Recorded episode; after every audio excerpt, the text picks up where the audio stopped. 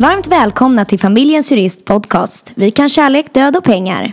I dagens mikropodd besvarar vi några av de vanligaste frågorna vi brukar få om testamenten. Först och främst, vad är ett testamente?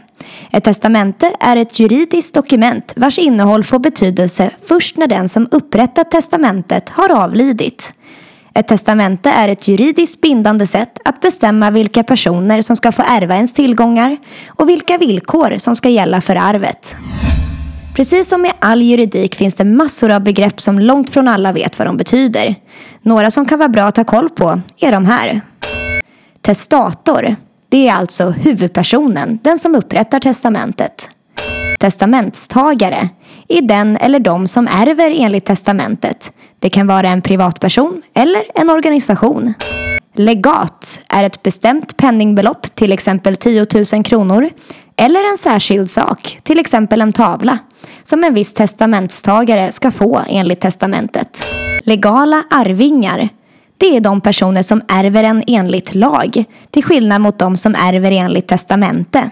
Enligt lag ärver ens barn, föräldrar, syskon, syskonbarn, far och morföräldrar och föräldrars syskon beroende på vilka som är i livet. Kusiner ärver inte. Allmänna arvsfonden. Det är en statlig fond som ärver det du lämnar efter dig om du saknar legala arvingar och inte har upprättat något testamente. Vad kan man då skriva i ett testamente? Man kan bestämma vem som ska ärva vad, till exempel att den bilintresserade dottern ska ärva bilen medan sonen istället ska ärva aktier till motsvarande värde. Man kan även ge instruktioner om att en viss summa ska avsättas för gravvård och i ett testamente kan man även ställa upp villkor för arvet. Till exempel att ett testamente till förmån för en sambo bara ska gälla under förutsättning att man fortfarande är sambor vid dödsfallet. Ett testamente kan även användas för att se till att någon inte ärver dig. Du kan till exempel skriva att dina syskon ska ärva dig istället för dina föräldrar eller att en god vän ska ärva din dyrbara spelsamling och att resten ska gå till välgörenhet istället för att arvet ska tillfalla någon avlägsen släkting som du aldrig träffat eller Allmänna arvsfonden.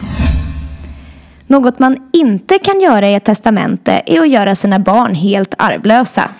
Det man däremot kan skriva i testamente är att barnen bara ska ärva sin laglott, det vill säga hälften av sitt arv enligt lag. Och att resterande hälft ska gå till någon annan. Kan ett testamente se ut hur som helst? Nja, inte riktigt. Ett testamente ska vara skriftligt, undertecknat av testator och bevittnat av två samtidigt närvarande och opartiska vittnen som inte är testamentstagare och inte är släkt med dig. Kompisar eller grannar går alldeles utmärkt. När du upprättar testamente hos familjens jurist så hjälper vi gärna till med bevittningen så att allting går helt rätt till. Om man gör fel med bevittningen så kan nämligen hela testamentet bli ogiltigt. Men vem behöver egentligen ett testamente? Det korta svaret är att alla behöver ett testamente, men av olika skäl. Den som är sambo och vill att en sambo ska ärva en behöver verkligen ett testamente eftersom att sambor inte har någon arvsrätt i Sverige. Den som är omgift och har barn sedan tidigare förhållande behöver ett testamente om denne vill skydda sin nya partner. Och till och med kärnfamiljen behöver ett testamente. För genom ett testamente kan föräldrar skydda sina barns arv genom att skriva att arvet inte ska kunna ingå i bodelning om barnen skiljer sig. Det blir som ett slags försäkring kan man säga. Det här är bara en liten del av allt man kan ta in i ett testamente. Boka en tid för testamentesrådgivning hos någon av våra duktiga jurister på Familjens Jurist så hjälper vi dig att ta fram ett testamente som passar just dina önskemål. Här kommer tre konkreta tips till dig som funderar på att upprätta ett testamente. Tänk noga igenom ditt syfte med testamentet.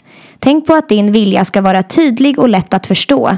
När testamentet kommer fram kommer dina arvingar inte att kunna fråga dig vad du avsåg med testamentet. Och har du skrivit otydligt och komplicerat så ökar risken för konflikter. Alltså, var tydlig med syftet och med dina formuleringar. Kom ihåg att alltid utse en ersättare. Det finns alltid en risk att dina arvingar dör före dig eller att organisationen du vill ska ärva lägger ner sin verksamhet. Vad vill du ska hända då? Glöm inte att förvara testamentet säkert. Testamentet måste nämligen kunna visas upp i original när det är dags att fördela arvet efter dig. Annars så gäller det inte. Familjens jurist erbjuder trygg förvaring av ditt testamente och ser till att det kommer fram den dagen du gått bort. Så kom ihåg, var tydlig med testamentets syfte, utse ersättare och förvara det säkert.